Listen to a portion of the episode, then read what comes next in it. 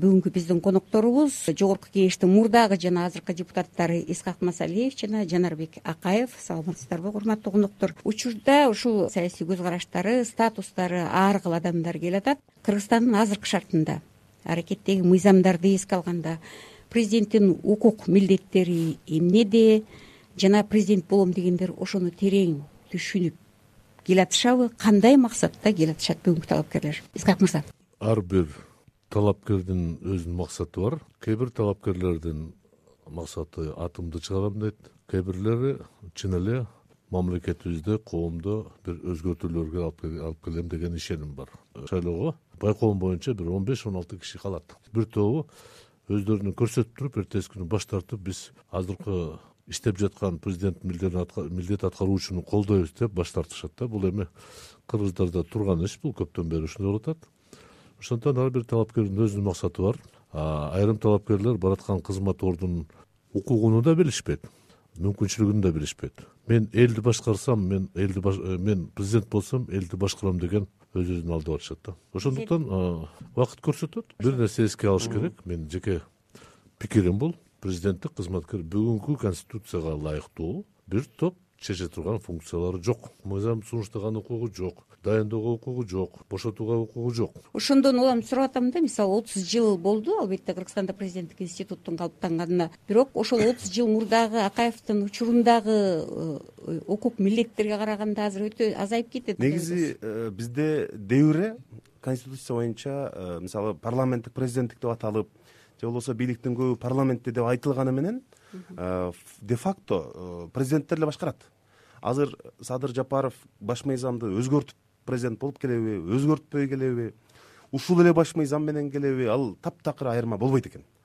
Баары бир бизде ошол жалпы эл тарабынан шайланып келген адам анан ошол күч органдары кимдин колунда болсо ошол адамга карай ошол саясий э, элитадагы парламентте эле көпчүлүгү ошол кишиден э, көз каранды болуп калышат экен да. Бирок мен азыр э, президенттикке талапкерлердин саны абдан көп болуп атканы мени мындай бир чети таң калтырат анткени азыр президент болгон адамга мындай өтө оор болот. Э, эч качан ал мындай бир популярдуу э, рейтинги жогору адам болуш үчүн билбейм мындай чоң реформалар жасап өзгөртүүлөрдү эле киргизбесе кыргызстандын азыркы шартында экономикалык э, абал абдан начар инвестициялык климат начар мамлекеттик бийликке болгон элдин ишеними таптакыр жок. Саясий күчтөрдүн баардыгы азыркы исхак саматович айткан талапкерлер жана соодалашмай баары эле соодалашмай ушу мен кандидаттыгымы кандидат болсом эми көпчүлүгү да баары дебейин кандидат болсом э, жок дегенде азыр булардын бирөө жарымы чакырып мени э, сен министр болосуң деп айтып калабы же элчи кылабы дегендей бир соодалашып калайын деген э, ойлору бар бирок баары бир кандай болгон күндө дагы азыркы бюджеттин акыбалын көрүп атасыз мына эртең жаңы жылдан баштап айлык акыларда чоң проблемалар болушу мүмкүн. Дефицит улам күчөп атат мындай президент болгон адамга өтө эле түйшүктүү. Ошондой болгону менен баары бир азыр көп жагдайлар ушу бийликтин шайлоону кынтыксыз уюштурушунан да көз каранды. Президенттин милдетин аткаруучу садыр жапаров маалымат жыйынында дагы ушул кынтыксыз уюштурулат баардыгы мурдагыдай каталар кетпейт деп кепилдеди да биз азыр садыр жапаровдун кыска пикирин угуп алып анан мен суроо берет элем. Биздин үч жолку революциябыз тең шайлоонун кесепетинен келип чыккан анан биз өткөндөн сабак алышыбыз керек жалаң таза шайлоолорду кылышыбыз керек. Эгерде сатып алуулар болуп атса же болбосо административдик ресурстар колдонулуп аткан болсо мына журналисттер сиздер эл арасында жүрөсүздөр да. Баардыгыңыздар ачыкка чыгарып жазып туруңуздар. Мына азыр социалдык түйүндөр бар кудайга шүгүр жыйырма биринчи кылым. Фейсбук одноклассник инстаграм дегендей дароо чыгып кетип атат го. Мына ошондой чыгарып ошондой э, сатып алуулар менен сатуулар менен же болбосо административдик ресурстар колдонуп аткандар болсо чыгарыңыздар баягы жазалайлы биз. Мына ушундай деп атат. Сиздер кандай ойлойсуздар ушул президенттик шайлоону онунчу январда да келаткан кынтыксыз акыйкат өткөрүүгө шарттар түзүлгөнбү? Барбы азыр эми бир жагынан садыр жапаровдун үнүн угуп койдук. Бул катардагы бул жерде садыр жапаров эмес сооронбай жээнбеков алмаз атамбаев курманбек бакиев аскар акаев айткан сөздөр эле болуп атат бул. Үч революция тең мен кошулат элем. Шайлоо аябай чоң себепкер болду да. Бирок эки миң онунчу жылы эч кандай шайлоонун себеби жок. Ал жерде башка маселе болчу. Бирок ошондой болсо деле бийлик алмашуу ордун тапкан.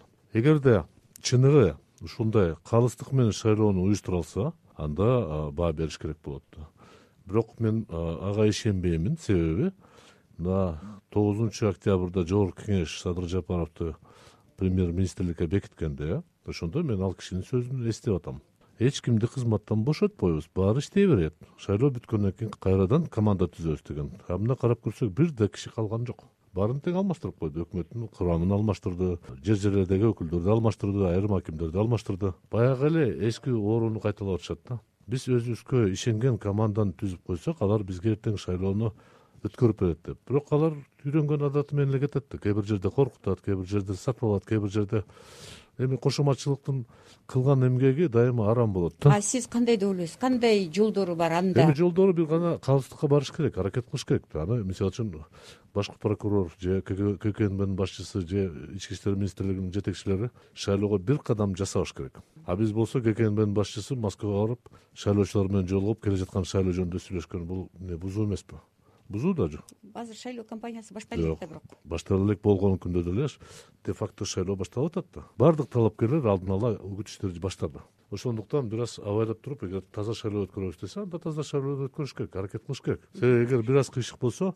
кандай келсе ошондой кетет да. Жанар мырза сиз кандай деп ойлойсуз даярбызбы менин оюмча биринчиден эртең ошол садыр жапаровдун э, кызматын тапшырып берип атканы жанагы мыйзамга э, ылайык тапшырып бериши керек бирок ошо эртерээк кетип атканы жакшы болду. Экинчиден азыр э, элибиз деле баарын көрүп билип калды да административдик ресурс иштейби деген дагы маселе бар да мисалы. Көп жерде жээнбековдун кадрлары отурушат мисалы. Кечээ парламенттик шайлоодо деле.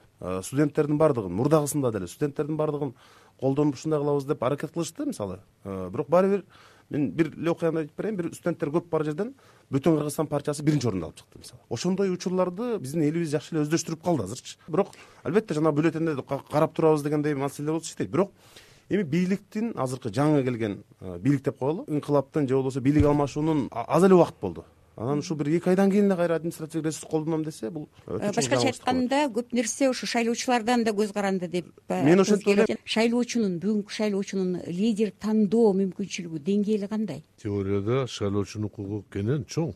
Бирок турмушта башкача болуп атат да. Азыр президенттин милдет аткаруучусу эл менен жолукканда баягы эле кадамдарды кайталап атат. Нарындын каскадын курам деген маселени көтөрүп атат. Аскерлерге квартира берем сотторго квартира берем деп паланча миллион бөлүп берем деген бул таптакыр кайталоо кетип баратат да. Мен эстеп атам аскар акаев курманбек бакиев алмаз атамбаев сооронбай жээнбеков ушул сөздөрдү эле кайтып жүргөн. Ошол нарынга барып алып каскадты айтып атат. Мугалимдер менен жолукканда квартира берем дейт аскерлер менен жолукканда квартира берем дейт айланайын сен президент квартира бере албайсың сен айлыкты көтөрө албайсың сен айлыкты бере албайсың. Бул өкмөттүн иши өкмөт башчы катары карап көрөбүз десе болот. Бирок быйылкы жылдагы жыйырма беш миллиард сом дефицит болгондо андай убаданы бербеш керек да. Бул шайлоонун алдын ала башталышы деп атам да. Мен ойлоп атам эгерде ушул нерсени кайталабай туруп башка жаңы жол менен барып мына мен жаңы адаммын жаңы иштейм мындай кылам мындай кылам десе анда ишеничтүү болот эле да. А эгерде кайталанганда баягындай эле жыйынтык болот да. Мисалы ушул шайлоочу өзүнүн аң сезими э, деп атам да деңгээли эми аң сезими? э, эми отуз жылдан бери канча жолу шайлоолор парламенттик президенттик шайлоолорду эске алганда да мына азыр айтып атат эми жаңы киши келди жаңыга ишеним көрсөтөлү деп бир талапкерге айтып атышат да. Тиги болсо башкасы болсо эски ал иштеген болду жетишет деп. Бул эми чын эле шайлоочу үмүтү бар да. Кокустан жаңы киши келип калса анда ишенебиз. Мисалы үчүн жанар акаев койгондо мен деле ошо ойдо болот элем бул жигит жаш мамлекетте иштеген эмес өкмөттүн башчысы болгон эмес тиги жетекчи кызматтарда болгон эмес мүмкүнчүлүк бар үмүт бар деген сөз. Жаштар айрым бөлүгү үмүткө таянат. Мисалы парламенттик шайлоодо ушул ушул миң сом эки миң сомдун айынан парламенттик шайлоодон кийин чоң жаңжал эми президенттик андай болбойт го менимче. Ага барса таптакыр чатак болот. Мен ойлоп атам бул жерде бир аз башкачараак болот да. Бирок президент э, талапкерге кошомат кылган адамдар айрым жерде акчаны иштетиши мүмкүн. Жол бербешибиз эми мурдагы президенттик шайлоодо кыргызстанда эле ушул жерде. Э, айрым талапкерлер тарабынан э, ошол эле бийликтин талапкер э, алганда деле аймактарда каражат таратуу кадимкидей болгон. Бирок мен таң калам да ушул мен сенин президентиң болоюн ошон үчүн мен могу акчаны алып кой мен сени башкарам деп акча бергендин өзү да уят акча алгандын өзү да уят негизи. Ушул президенттик шайлоодо жок дегенде таратпаш керек да анан бизде кыргызстанда кандайдыр бир деңгээлде шайлоочунун аң сезими өзгөргөн учурлар бар сатылган учурлар андан көп бирок. Мисалы бишкек шаарында кечээ э, реформа деген партия. Жаштардан мындай бир э, каражат таратуу эмес. Алар даже жарнамага мындай э, каражат короткон жок. Бирок жанагы көп жылдан бери келаткан партияларга караганда алда канча көп добуш алды. Жыйырма миң дейт добуш алды бишкектенчи эгерде алар бишкек шаарына талапкерлигин койсо шаардык кеңешке э, бир канча мандатты алып бишкек шаарынын мэрлигине өздөрүнүн кандидаттарын сунуштай ала турган акыбалда экен бирок аймактарда биздин саясатчылар бизнесмендер ушул элдин э, жакырлыгынан пайдаланган э, учурлар аябай көп. Бирок азыр исхак абсаматович айткандай президент өзү мисалы садыр жапаров жакынкы убактарда эле мен өзү менен дагы кирип э, сүйлөштүм. Ошондо мага айтты мен ушул сатып алууга таптакыр ниетим жок деп. Бирок маселе ишенсе болобу маселе кечээ эле мекенем кыргызстанга биримдикке иштеп жүргөн биздин кандидаттар бул жолду кайсы райондордо кимдер бар экенин мындай эл деле билет баарыбыз билип калдык да.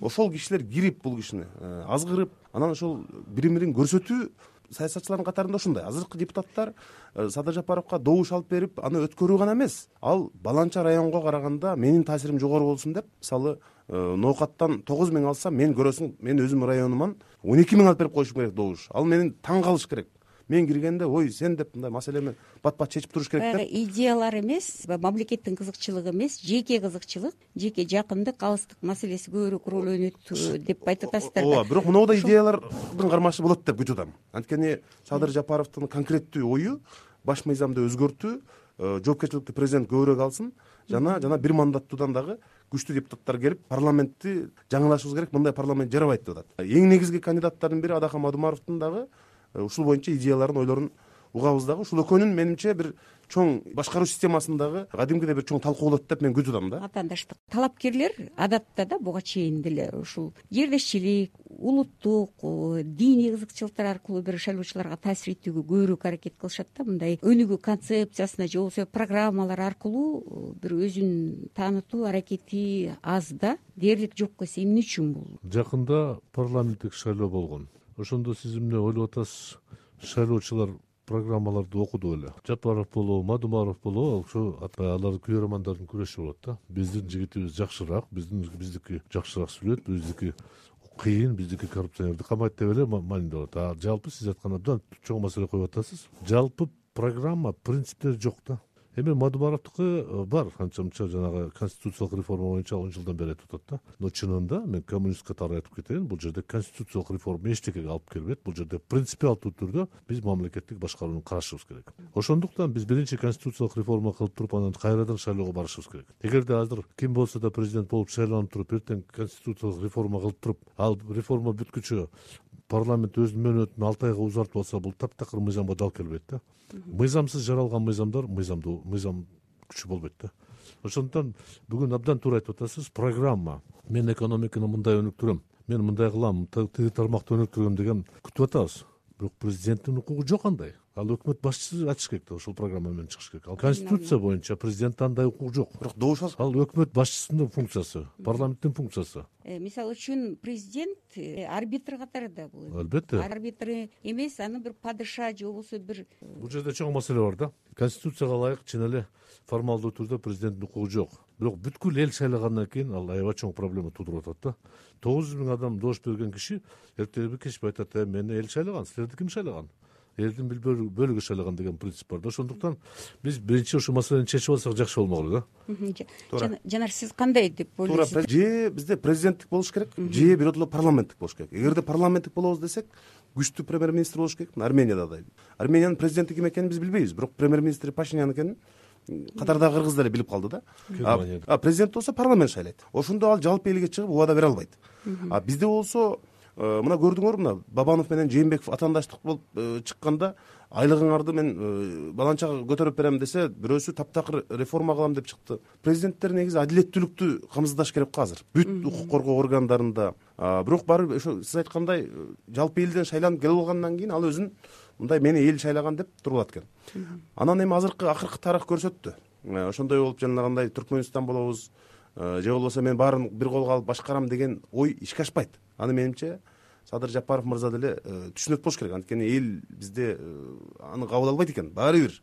Кандай болуп сен бир мындай желме кузга айланган күндө дагы? Жакшы жанар андай болгондо бүгүн э, кыргызстанга кандай президент керек? Эл кандай президентти каалап атат? Эл каалап аткан президент бул биринчиден адилеттүүлүктү мамлекетте орнотсо дейт. Экинчиден жанагындай кийлигишпесе дейт. Сотторго инвесторлорго бүт баарына.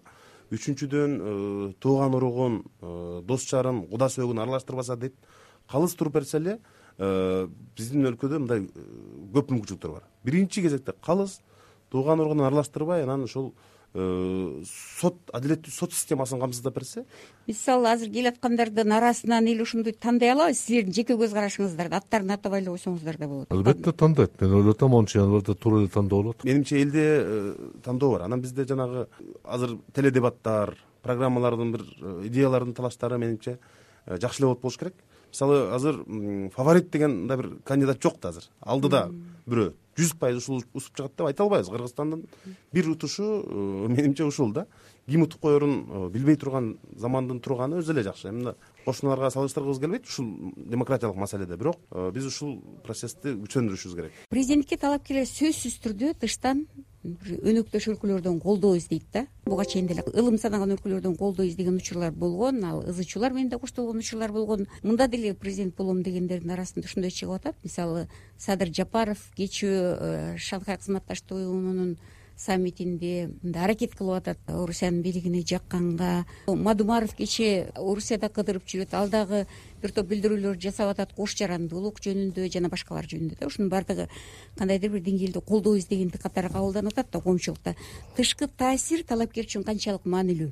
Бул өтө керек. Себеби биздин мамлекетибиз көз карандуу мамлекет. Биз каражат жагынан башка жагынан көз карандуубуз да. Ошондуктан жакын кошуналар менен баардык кошуна мамлекеттер менен биз кызматташууга даяр болуш керек.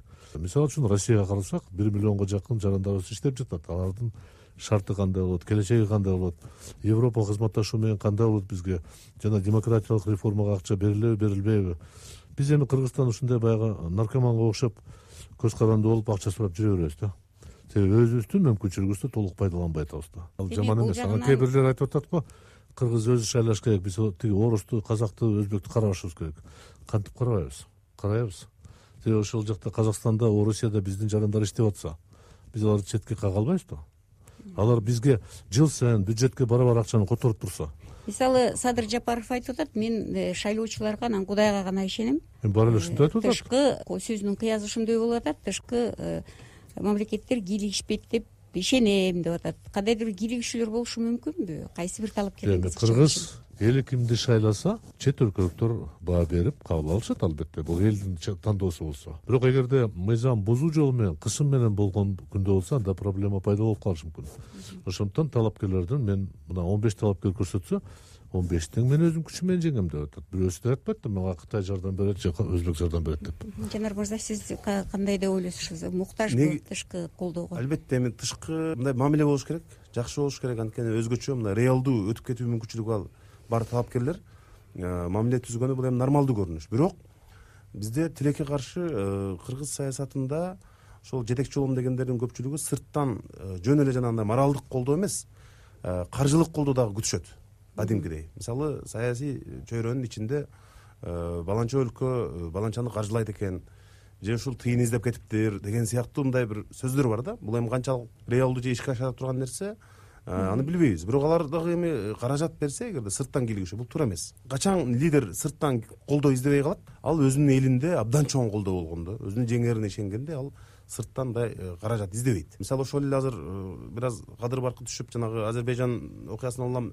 ооба. Ошол эле никол пашинян деле э, ошол эле э, өнөктөш өлкөлөр аны колдогон эмес. А бирок өзүнүн эли колдоду утуп алды келип мындай мамлекетти э, колго алды ошол убакта. Бизде дагы кадимкидей ушул орусия казакстан керек болсо азыр мына кытай менен мамиле кылыш керек деген саясатчылар бар. Эгерде алар азыр каржылык кандайдыр бир милдеткер болуп калса эртең чоң проблемага бүтүндөй мындай биздин мамлекетибиз тушушу мүмкүн. Мисалы ошол эле ири чоң кен байлыктарыбызды э, алган өлкөлөр бар да. Ошол өлкөнүн чоң бизнесмендери биздин ошол эле э, жер үй болобу э, же кумтөр болобу башка алтын кендерибизди алып иштетем дегендери бар. Алар болсо кайсы бир бийликти колдоп өзүнүн адамдарын бийликке алып келип алып анан ошол кенди каалагандай иштетип мөөнөтүн узартып каалагандай мындай алып чыгып кетем деген ойлору болушу мүмкүн деби албетте онунчу январда исхак мырза да айтып атат шайлоо тандоо болот деп батасызда ушундай татыктууларды тандап биздин кыргызстандын тарыхында анан аягында ушул начар чыгып калганда аны кулатып салмай өнөкөт болуп калды кандайдыр бир деңгээлде. Башка өлкөлөрдө э, нааразы болгон учурда же өзү отставкага кетет же болбосо мисалы америкадагыдай да. Эмне үчүн ушундай э, жагдайга туш келип калып атат бул башкаруу системасынын калыптанбагандыгынын кесепетиби? Шайлоонун табигаты ушундай да. Мына үчөөбүз отурабыз үчөөбүз үч талапкерге добуш беребиз да. Бирөө шайланып калса экөөнө жакпай калат да ошондуктан бул табигатты кабыл алышыбыз керек. Уткузган киши уткан кишини куттуктап туруп түштүрүп атканда там берип туруп баа берип туруп мына мен уткуздум деш керек да. А мен коркуп атканым онунчу январда андай болбойт. Уткузган киши тополоң көтөрүшү мүмкүн. Жок калыс эмес таза эмес болуп эле деп айтышы мүмкүн. Балким экинчи тур болобу же биринчи турдан утуп алабы калгандар сөзсүз кандай бир формада нааразычылык болуп калышы мүмкүн. Күткөн нерсе. Себеби каражат кетирген эмгек кетирген баягы бирөө айткандай биздин эмгегибиз жерде калып кетеби калып кетет табигат ушундай. Бир аз оорчун акыбал болот бирок өтүшүбүз керек биз албетте өтүшүбүз керек муну э, анан э, биздики биздики эмес деп бөлүнбөш керек да. Кандай болсо да жолугуш керек. Мына мен дагы бир нерсе сындоочу деп айтпагыла мына бүгүн садыр жапаров айтып атат конституциялык вариантты өзгөртүү боюнча баардык саясий күчтөр менен акылдаштык дейт. Мисалы үчүн менин билишим боюнча бизден коммунисттерди сурап да койгон жок эч ким биринчиден журт башчысы ошого элди көчөгө чыгарганга мындай шарт жаратпаганга аракет кылыш керек да. Болгон мүмкүнчүлүгүн жумшап. Эми кечээ мисалы чыкпай койгонго мүмкүн эмес эле да мисалы. Мекенем кыргызстан менен биримдик экөө биригип токсон бир мандатты э, басып жыгылса мисалычы. Анан биз деле ошол жерде көчөгө чыгып мына ыңкылап кылып ак үйдү талкалап кызматтарды бөлүштүрүп чуркайын деген мындай бир ой болгон эмес. Биз кадимки маданияттуу чыгып ошол нааразылык оюбузду билдирип коеюн дегенбиз да бирок ошондон кийин анан кечкисин жанагындай э, окуялар башталды. Э, эми ошого мүмкүнчүлүк бербешке эле болбосо ошондо саат сегизге чейин күттүк тогузга чейин күттүк бийликтен бир өкүл чыгып жок дегенде элден качпаш керек да. Азыр эми саясий кеңешүүлөрдүн э, өзөгү бул жанагы баш мыйзам боюнча болуп атат депутаттарды ушул парламентти күчтөндүрүү боюнча. Анын бири мен мени дагы ошол азыркы э, премьер министр президенттин милдетин аткаруучу э, садыр жапаров ушул боюнча мени чакырып оюмду сурады. Кандай кылсак болот? Мына жаштарда саясатчыларда жаш саясатчыларда э, кандай ой бар? Эмне сунуш кылсаңар болот? Кайсынысы туура болот? Чоң ката кетирип албаш үчүн эмне кылышыбыз керек деп. Мен ошондо айттым. Эң чоң ката кетирбеш үчүн бул административдик ресурсту колдонбошуңуз керек. Баардык талапкерлерге бирдей шарт түзүлүш керек. Убагында кызматтан кетишиңиз керек күчтүү парламент курайбыз дегенди албетте мен деле колдойм э, исхак масалиев деле колдойт. Күчтүү парламент болсо аны ким колдобосун э, ошол парламентти жаңылап алуу аракетине мен мисалы э, макулмун. Азыркыдай парламент болбойт. Чын эле мен мисалы мына мен бала кезден баштап ушу кечкисин жогорку кеңештин сессиясын кадимкидей жанагы айылда жанагы сериалдарды күтүп көрүшкөндөй эле көрөт элек да бизчи.